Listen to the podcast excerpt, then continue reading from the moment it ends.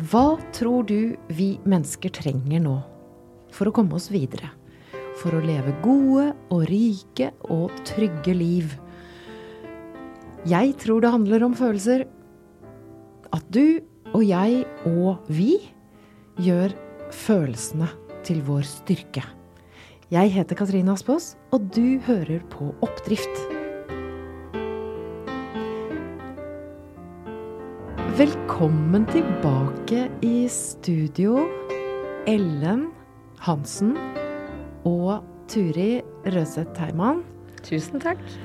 Lærer nå, nå smyger vi oss eh, inn på et, eh, et tema som vi som jeg har så respekt for. Jeg kjenner at jeg nå sitter med litt sånn ærefryd, og det er Det er skolen. Det er elevene, det er, det er ungene, det er alle lærerne. Det er snart skolestart. Vi beveger oss uh, fra disse her litt mot de der myke myke augustkveldene hvor det begynner å lukte skolestart? Jeg vet at det er høst når jeg begynner å drømme om å stå i klasserommet. Ah, du drømmer om natta, ja? Ja, og det er ikke alltid Det er sånne kjempefine rosa drømmer. Det kan være litt, mareritt, litt forskjellig. Da vet jeg at nå, nå er det snart høst. Mm. Nemlig. Turi, har du, har du noen sånne høste... Skolestartfølelser? Ja. Nå er jeg ikke lærer lenger, men jeg har jo barn som skal på skolen, så jeg vet jo litt hvordan de har det. Og um, når ferien er slutt, så er det jo en uh, overgang, da. Og det, det ja. kan være litt vanskelig. Uansett om uh, man skal på skolen eller til en annen jobb. Ikke sant. Det kan være litt vanskelig. Jeg får litt sånn bluesfølelse. Litt mm. sånn høstblues. Mm. Og bluesen er jo sånn god òg. Den uh, Det er sånn jeg luktet en del av meg elsker den tiden. Altså da, når, når, byen fylles med studenter. Når Oslo fylles med studenter. Det lukter plommer. Hos sant? meg òg. Ja. Å gå gjennom hagen og plukke med seg, og så spise de og ha noen i lomma.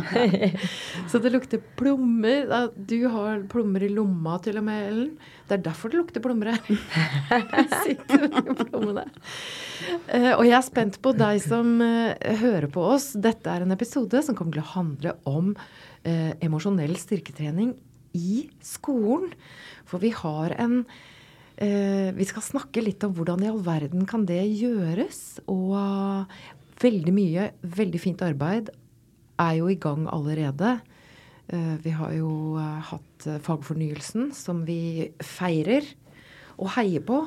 Er, og er, hvis du nå sitter og er lærer og kjenner at å, herlighet, ja ja. Altså, du kan kjenne på motstand mot den. Det er jo ikke noe rart. Fordi at du skal jo håndtere så mye forskjellig og så mange behov.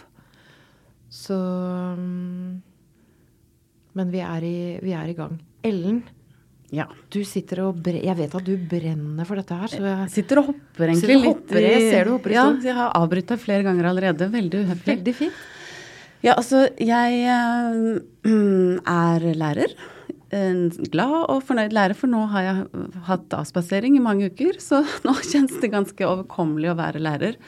Så hvis denne podkasten her hadde vært spilt inn i november, så kanskje hadde den hørtes annerledes ut. Så vi kan jo ta en ny prat da, åssen det går. Men jeg har vært lærer i 25 år. Jeg har eh, fem års eh, allmennutdanning. Jeg jobber i grunnskolen. Eh, jeg har vært kontaktlærer i alt fra første til sjuende. Jeg har også vært bare faglærer. Jeg har musikk som fag, og det er en helt annen hverdag. Men det å være kontaktlærer, det er til tider overveldende. Og jeg vil si en umulig oppgave. Mm. Um, å ha ansvar for uh, Jeg har nå 20 Hvor mange elever har jeg? Er det 25 jeg skal ha til høsten? Andre klasse skal jeg, fort, jeg fortsette med den klassen jeg hadde før sommeren. Og deres foreldre. Det er jo òg en oppgave. En lærer skal uh, ta vare på en foreldregruppe. Og um, sånn som i fjor, så hadde jeg en del foreldre som var foreldre for første gang. I, altså hadde et skolebarn for første gang. Um, og hver morgen da, når jeg åpner døren, så møter jeg jo en hel haug med følelser. Ja. Og det er ikke bare sånn der jippi, en ny skoledag. Det kan være eh, at man allerede begynner å kjede seg litt på skolen. Det kan være at man har krangla med noen på veien til skolen. At man har vært redd for noen store barn. Eller at man har hatt en kjip dag med foreldrene sine. Og det er liksom hverdagen min. At jeg skal ivareta alle barns behov og følelser. Ja, det er hverdagen din òg. Altså, jeg ser det jo for meg hvordan de ansiktene, de fjesene, kommer inn. Du åpner døren, og så kommer det altså 25 inn. Og jeg tenker på du som lytter og er lærer, eh, som har det på samme måten, og, og som er forelder kanskje også til Kanskje du er forelder til en som skal begynne på skolen i år. Jeg får jo også kontakt med at jeg er tante til en som snart skal begynne på skolen. Ei lita jente. Um, hmm. Så jeg må si at jeg ble veldig glad når jeg startet for uh, fire år siden snart uh, å trene sjøl emosjonelt. Uh, for jeg fant fort ut at dette her skulle vi Dette kan vi bruke i skolen. Så jeg tok fort med meg det til klasserommet og tenkte at um, Eh, jeg kan eh, øve litt. Vi kan, vi kan, gjøre det sammen. Så det har jeg litt lyst til å fortelle om nå. Eh, I mm. denne lille podkasten som vi sitter her og lager sammen. Nydelig. Og da eh, Nå holdt jeg på å si Nå trykker jeg på nesa di, og så setter jeg det på pause. Jeg trykker litt sånn på nesa mi òg. Jeg setter meg på pause. Og så er jeg nysgjerrig på hva som skjer i Turi som sitter her, som også har vært lærer i mange år. Ja, det har jeg vært. Jeg har vært lærer i 15 år. Men det er noen år siden nå. Og um, jeg kjenner jo veldig igjen det Ellen forteller. At det er utrolig um, mange følelser man skal møte. Og man ønsker å møte alle elevene på en god måte. Og så er det jo ganske greit hvis det er gode følelser. Og så er det mye vanskeligere hvis det er skuffelse eller sorg eller vonde følelser. Så um, det er en krevende jobb å være lærer. Og um, jeg kjenner jo nå, etter at jeg har holdt på med emosjonell styrketrening i ja, det blir tre år til høsten, uh, at nå skulle jeg ønske at jeg var lærer. For jeg har jo så innmari lyst til å prøve ut det jeg har lært sjøl. Som jeg kjenner uh, fungerer så godt på meg. Og jeg tenker åh, dette skulle hørt i klassen. Dette skulle jeg ha prøvd ut. Så jeg misunner jo Ellen litt, da. Ah, som kan øve i klassen og se effekt der. For jeg har jo så stor tro på at det vil fungere og gjøre barna så mye sterkere. Og at de skal lære å støtte seg selv med å være på Den indre stemmen skal være litt mer som en god venn som backer deg opp, og ikke sier negative ting til deg selv og trykker deg ned. Så at barna får den indre støttende stemmen inni mm. seg når de opplever uh, ja. motgang ja. eller opplever noe, noe ja. trist og leit. Og trene da med øvelser som vil eh, hjelpe, og som, hvor vi vil lære dette med små marioneskritt om små øvelser innimellom. Mm. Er det en øvelse du kan ta med oss på akkurat nå? For jeg vet at du er innmari god på det som eh, eh, Nå har jeg jo ikke, en, en, har jeg ikke engang sagt la, ja. Nå tar jeg pauseknappen av på meg lite grann. Uh, Trykka meg på nesa. Jeg har jo ikke engang sagt at dere er for nye lyttere, at dere sitter her og har gått på skolen sjøl de siste eh, tre-fire årene. Mm. For dere er jo nyutdannede emosjonelle styrketrenere. Ikke yes. sant? Og, og er nysertifiserte. Um, mm. Og da vet jo jeg, fordi vi har jo jobbet sammen nå i mange år, at du er innmari god på det som heter å bruke støttende, styrkende setninger. Mm. Eh, kan ikke du fortelle litt om det? Jo, det kan jeg fortelle litt om. Um, jeg, Turi. Ja.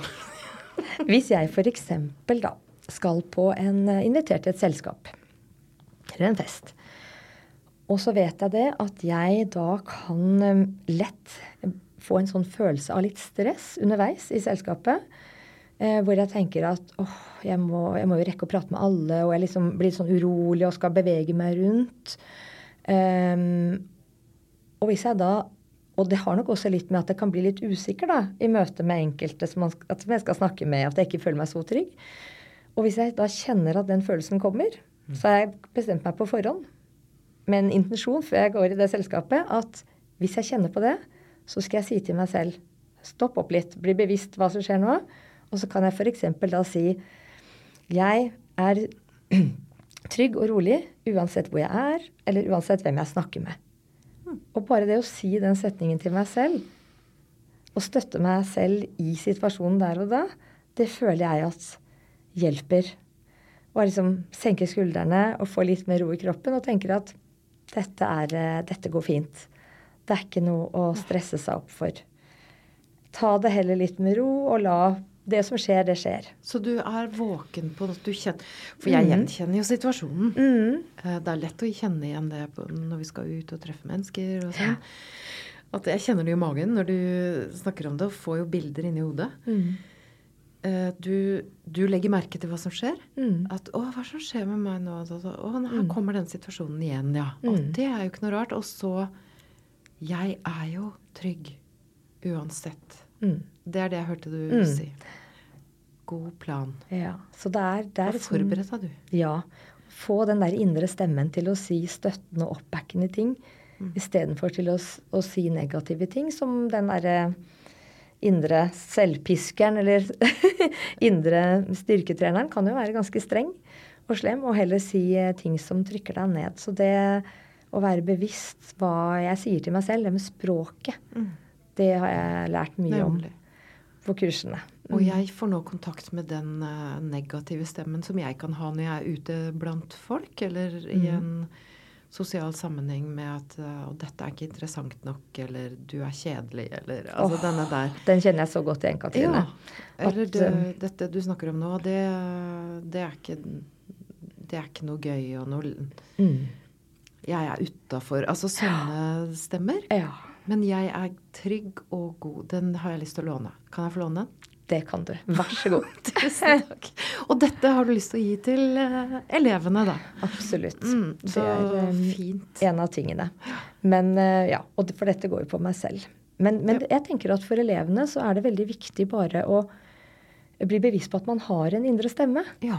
For det er jo sånn at uh, det er ikke alle som Jeg hadde egentlig ikke tenkt så mye over den indre dialogen før vi begynte å snakke om at vi har en stemme i hodet som vi snakker med inni oss. Eh, sånn at eh, en øvelse på skolen f.eks. kan jo være at elevene sitter i en ring, og at læreren sier f.eks. at når du da sitter og lurer på om du skal rekke opp hånda eller ikke Og hva er det du sier til deg selv inni deg som bestemmer om du rekker opp hånda, eller om du ikke gjør det? Ikke? Kjenne etter det. Og at elevene får reflektere litt over at det faktisk foregår en dialog inni dem, og at det er noe som kanskje man kan øve seg på, hva man sier til seg selv.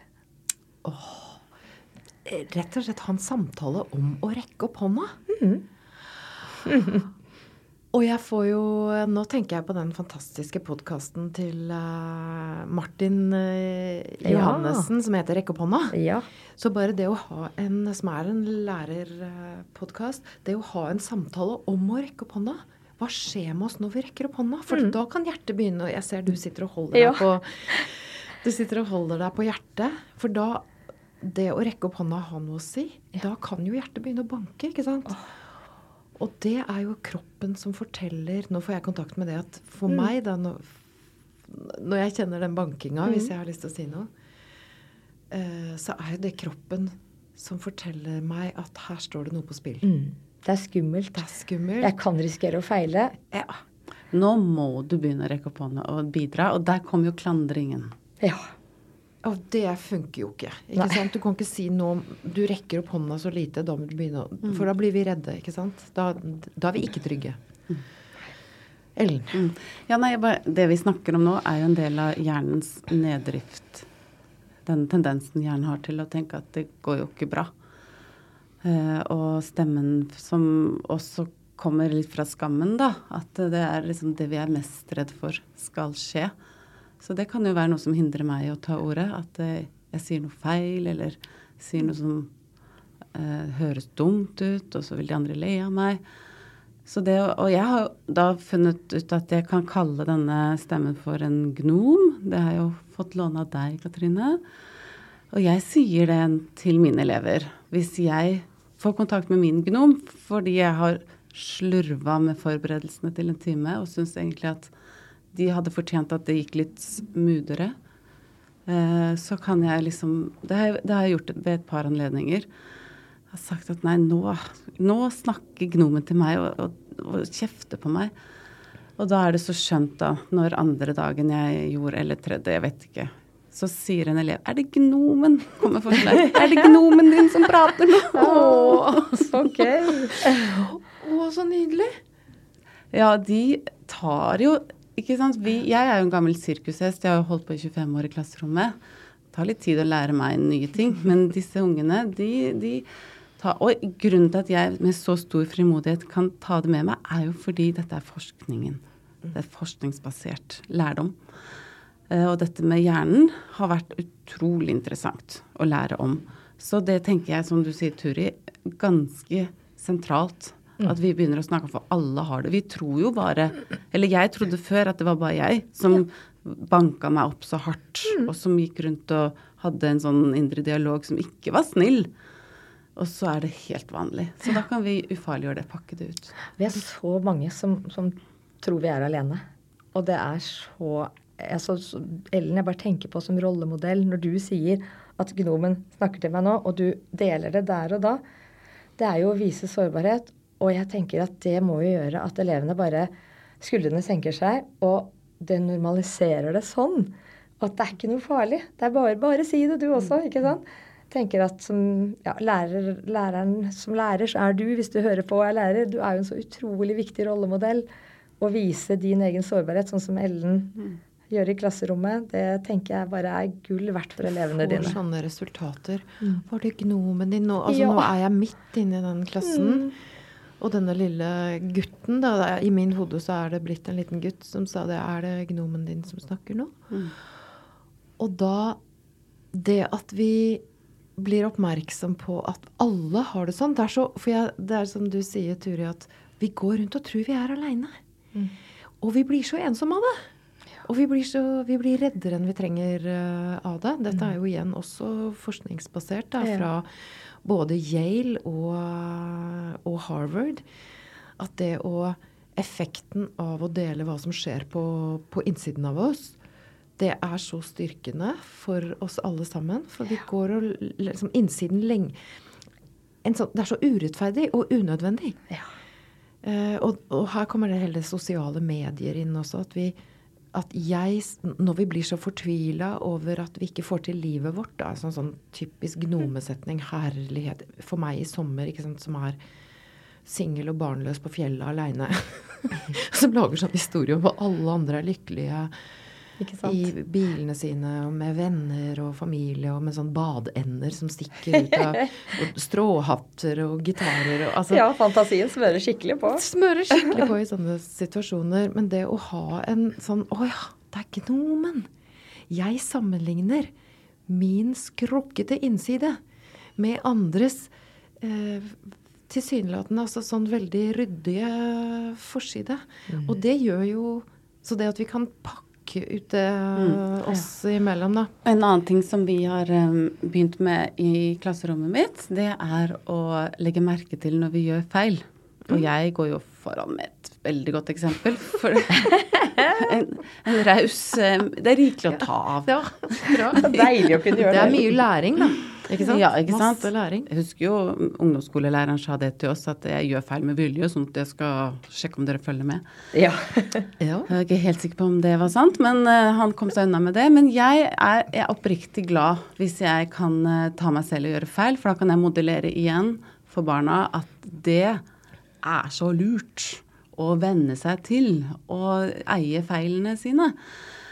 Så det har gått inn Jeg fikk en far som fortalte meg at um, hjemme ved middagsbordet så sa barnet i den familien at, uh, at um, på skolen så har vi lært at um, det er lurt å feile. Men vi kan ikke jordspa.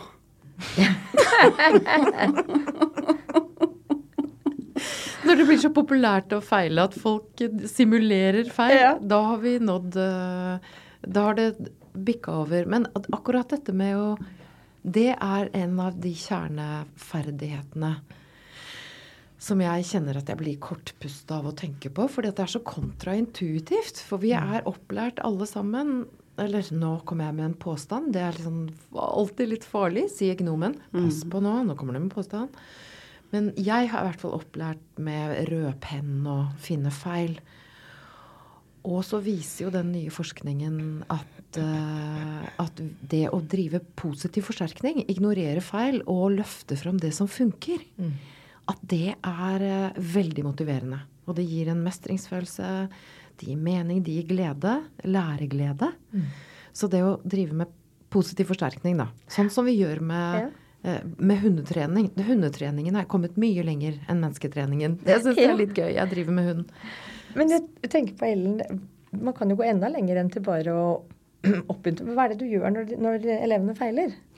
Ja, altså Tenker du på at vi feirer? Ja, jeg tenker at vi feirer! Jeg har såpebobler stående på kateteret, og så hvis eh, noen andre enn meg feiler, da, så kan vi blåse bobler bare for å forsterke den at eh, det, det, er, det er trygt. Ja, det du er turte å prøve. Du turte å prøve. Og det, vi har en setning da, altså du, du, du prøvde, eh, du feilet, du lærte. Eller vi prøver, vi feiler, vi lærer. Det er sånn vi sier det i presens. Vi prøver, vi feiler, vi lærer. Og det, det også skaper da trygghet i en klassegruppe på at um, hvis vi skal tilbake til det med å tørre å rekke opp hånda, eh, at det Vi ler ikke av en som svarer feil. Vi bare eier det at eh, du prøvde, og nå skal du Nå kan vi feire at du svarte feil, for da mye Du kommer jo til å huske det nå. Eller det at når man skal fremføre noe, om det er en sang eller er lese et dikt eller et prosjekt, at det er liksom oppe i dagen at feil, det anerkjenner vi her i vår gruppe. Jeg tror det er, og, og nå når vi går inn i, i alt dette nye som ligger foran med AI og alt dette her som vi ikke helt vet hva er, så er vi nødt, Ja. tenker jeg Nå, er, nå kommer klandreverbene, hører jeg. det er veldig Vi må. Ja. Vi bør. Veldig lurt Ja. at vi er innøvd på at For kreativiteten blomstrer når vi tester ut. Og så funka ikke det. Nei, men vi prøver igjen. Vi lærer. Vi Og nå hørtes du ut som eh, Du nevnte AI. Nå hørtes du Altså, det som er så gøy med AI jeg, Og jeg feirer nå din metode med såpebobler. Vi prøver, vi feiler, vi lærer. Vi feirer. Så har du med det som en setning også. Vi prøver, vi feiler, vi lærer, vi feirer. Ja. Det er det vi gjør når vi det sier det. det, da. Det er liksom heiaropet, da. Heiaropet. Ja. Og vet dere hva, jeg har tenkt litt på dette her i sommer. Hva er det som skiller uh, ChatGPT, uh, kunstig intelligens, hva er det som skiller oss? Hva er det som gjør at de er så innmari intelligente? Altså, de, er så, de lærer så fort. Dette kalles jo dyp maskinlæring. Og det handler om at de er innmari gode på det du sier nå. Fordi at de føler jo ikke skam når de feiler. Nei. De kan jo lære seg italiensk på en natt. Fordi at eh, det, det, det, det, så brrr, Nå prøver jeg å være en chat-GPT. Ja.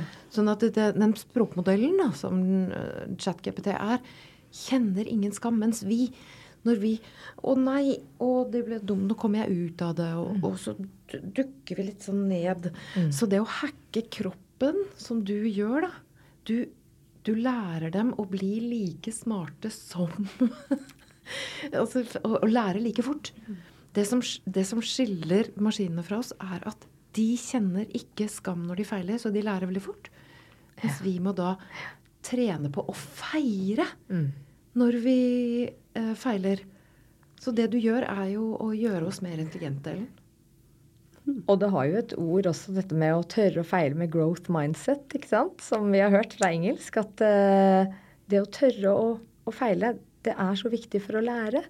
Lære nye ting. Ja, Med et growth mindset. Mm. Og vi har jo i emosjonell styrketreningsklasserommet, da, hvor vi har drevet noen år, så har vi en veldig god eh, venn der som heter Einar. Einar Breian. Fantastisk fyr. Eh, skuespiller. Og han har funnet et norsk ord for uh, growth mindset. Husker dere hva det er? Ja. Han ønsket å kalle det for vekstlynne. Vekstlynne. Det er så vakkert. Bra. Mm. Det var Det- riktig svar på oppgaven, Ja. Turi. Nå får du Ja. stjerne i bok. Du får ikke såpeboble, for du svarte jo riktig. Lettelse, lettelse fra meg her da nå, altså.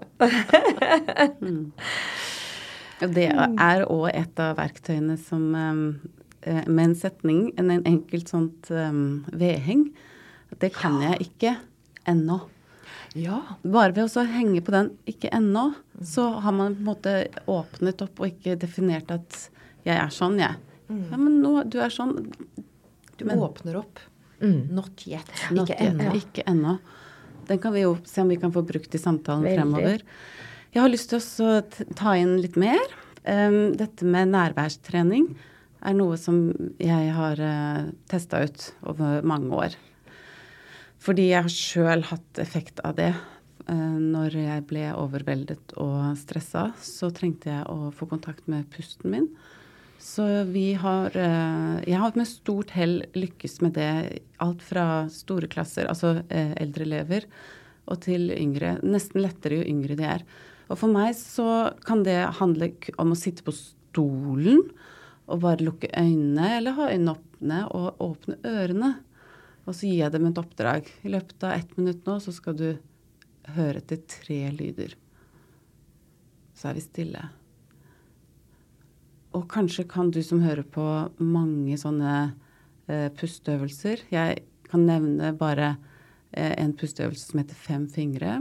Hvor du bruker fingrene for å puste ut. Kan ikke vi gjøre det nå? Den er så god. Og jeg kjenner at jeg blir roligere når du snakker nå. Fordi at jeg er jo litt spent og nervøs når jeg sitter og skal gjøre den podkasten. Så nå inviterer vi alle, og du som hører på også. Nå kommer den pusteøvelsen. Da kan du bare sitte og kjenne at du har noe stødig under deg, om du ligger eller Kanskje kjører du bil, da må du holde øynene åpne. Kanskje er du ute og går, da kan du bare kjenne at eh, skuldrene de detter ned. Og jeg sitter jo i en stol, så jeg kjenner at jeg har beina støtt foran meg. Så slipper jeg kjeven mens jeg puster inn. Og når jeg puster ut, så blåser jeg på tommelen. Sakte. Legg merke til om du klarer å slippe kjeven enda litt til. Og når du da puster ut, så går magen inn. Og idet du er ferdig med å tømme deg, så spretter magen ut. Og så puster vi ut igjen sakte. Du blåser på fingeren som om du prøver å få flammen på et lys til å blafre uten å blåse det ut. Og når du har presset all luft ut av magen, så slapper du av i magen. Slapp av i kjeven. Og så har vi kommet til langfingeren. Vi blåser ut.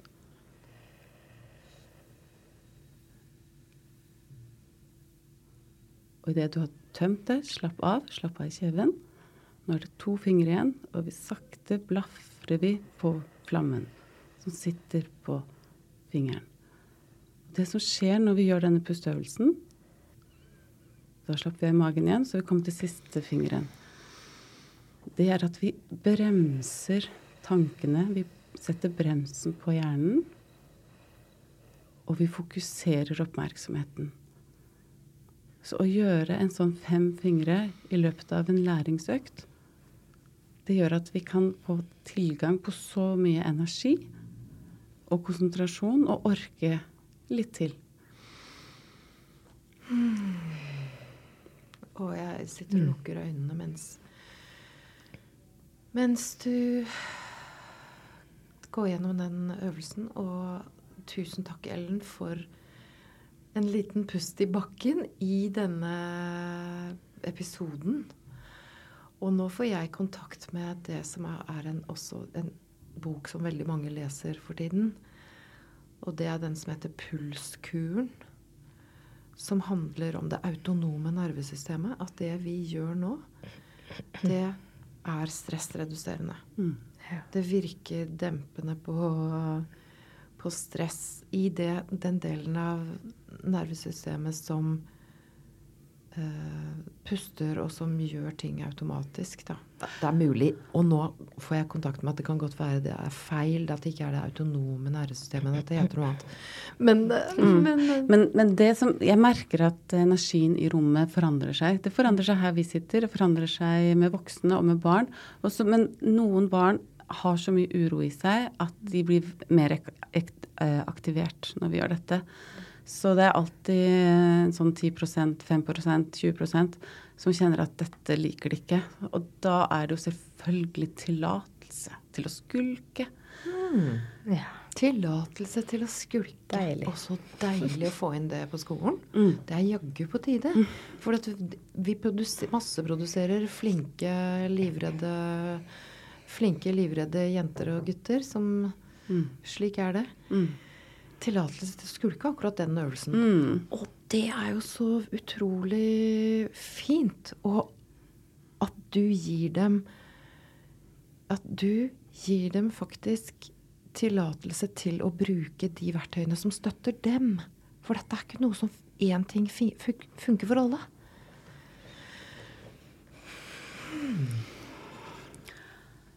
Så det var uh, nærværstrening. Jeg kaller det det. Man kan kalle det pusteøvelser, eller noen vil kanskje kalle det for mindfulness eller yoga, eller Men det er pusten, da. Få kontakt med den. Og det fins andre pusteteknikker. Firkantpust er det noen som praktiserer. Um, tretall. Tenke på tall som daler. Ja. Um, jeg um, tenkte vi kunne snakke litt om det å starte en dag, eller starte en økt. Altså den overgangen fra friminutt til um, time. Det er jo eh, for meg særlig første eh, Altså når skoleklokka ringer og det er liksom starten på dagen.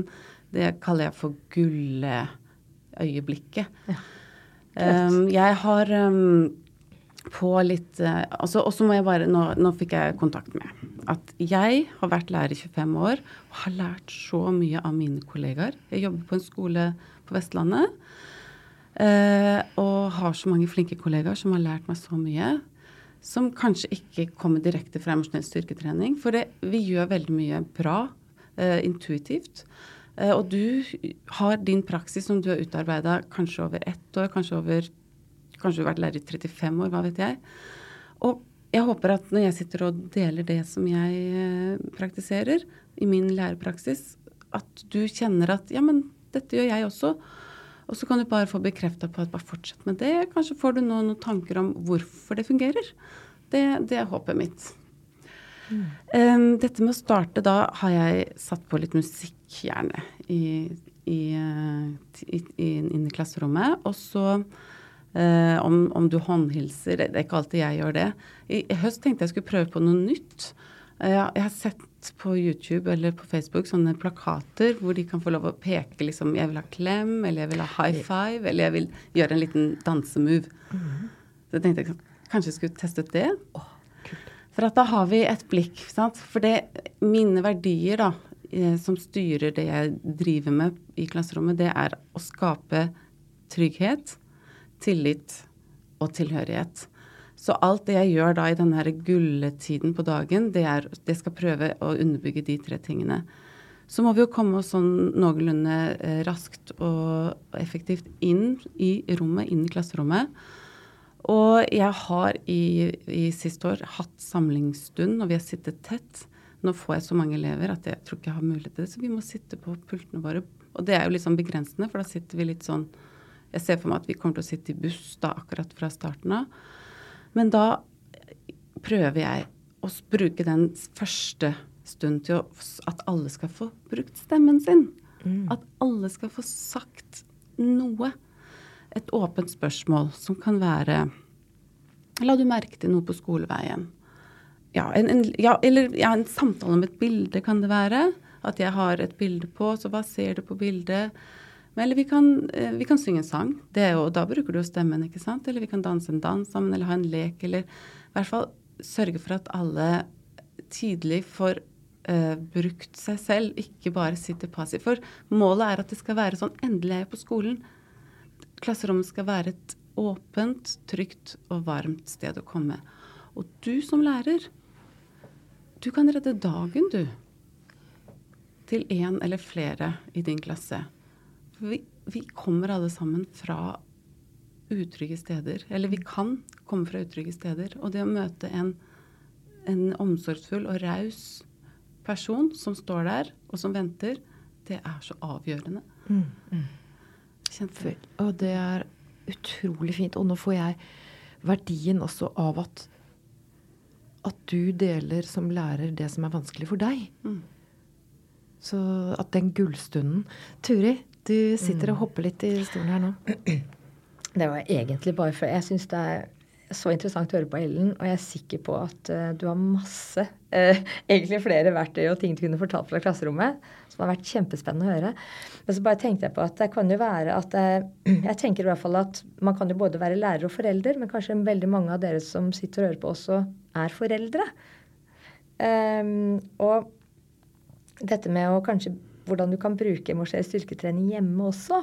For det vet jeg jo at Ellen og jeg har øvd mye på. Vi har gått på kurs sammen og snakka sammen om det. Og eh, så bare siden det er høst nå, og vi eh, nærmer oss en stor overgang for elevene, så hadde jeg bare litt lyst til å fortelle hva jeg gjør hjemme. Eh, med f.eks. Eh, en av døtrene mine. Som hun har eh, hele oppveksten vært veldig lei seg på, fre eh, på søndagskveldene. Eh, og jeg har eh, da sagt det en natt. sånn hadde jeg det også. Eh, og det er sikkert fordi at det har vært så mye gøy i helga, vet du, og, og sånn. Men så har hun vært litt fortvila og sagt det at eh, Jeg skjønner ikke hvorfor jeg er lei meg. Jeg har ingenting å være lei meg for. Og, og jeg tror hun da har tenkt at det er noe galt med meg. Ikke sant? Eh, når ikke det er noe god forklaring på det. Og har nok følt seg aleine med det. Um, fordi de andre barna ikke har sagt noe om at de har det sånn. Eh, og jeg har ligget ved siden av henne utallige søndagskvelder i årevis. Eh, til tross for at jeg kjente meg sånn igjen, for jeg har jo hatt det sånn selv. Eh, så derfor kunne jeg på en måte støtte henne litt. Men, men eh, ja, jeg hadde ikke noe godt ord på det, egentlig. Og så lærte jeg da, Katrine, av deg, og du som fortalte at faren din og du hadde hatt det sånn. Dere kalte det for søndagsdepresjon, men det har jo et navn også som er veldig fint å bruke, syns jeg, og det er overgangens sorg. Overgangens sorg. Ja. Og så sa jeg til eh, henne da den kvelden at vet du hva, det som vi to sliter litt med um, på søndagene, det har jo egentlig et navn som er så fint. Det heter jo overgangens sorg. Og så snakka vi litt om hva det var, hva det var for henne. Og eh, den kvelden så trengte jeg ikke ligge ved siden av henne. Og etter det har hun aldri spurt om jeg kan ligge ved siden av henne på søndagskveldene. For nå får hun sove av seg selv. Selv om det kanskje tar litt lengre tid enn de andre dagene. Så. Å, for en nydelig historie. Så nå ligger hun og støtter Nå har hun internalisert din stemme, da. Sier Og at du er ikke aleine. Dette er helt Det er normalt. helt normalt. Det er overgang fra noe som har vært mm. fint, og så er det en overgang til noe du sa det, det ordet 'det er ikke noe galt med meg'. For det også er jo dette med hjernen Ja. som har det med å fortelle oss det. Og der har jo du et fint uh, jungelord fra Bislett. Ja. Ja! Kan jeg komme med det? Mm. Og da er det til meg og deg. Vi går inn for landing her. Eh, alle oss som skal nå inn i høsten og gå inn i endringer. Og det er da vi er ekstra sårbare, når vi er så modige. At vi begynner å ta i bruk ny teknologi. Vi er så modige at vi er villige til å flytte på oss, prøve nye ting, som å være med i podkast, eller som å kanskje lytte til en ny podkast. Og her kommer jungelordet. Relativt nytt jungelord fra Bislett.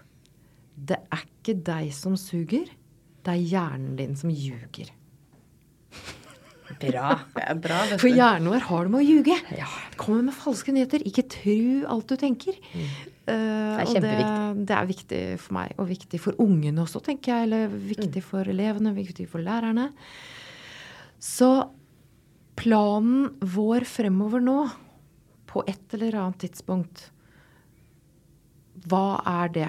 Hva er det vi planlegger nå? Nei, altså, jeg har så mye mer å komme med. Så vi Ja. må jo Det blir la- flere, det blir mer. Ja. Men det blir også emosjonell styrketreningskurs for lærere. Ja, det var det. Vi er i, i ferd med å gjøre det til en realitet. Vi har drømt om det lenge. Vi har jobba med det en stund. Dere har jobba med det et år nå.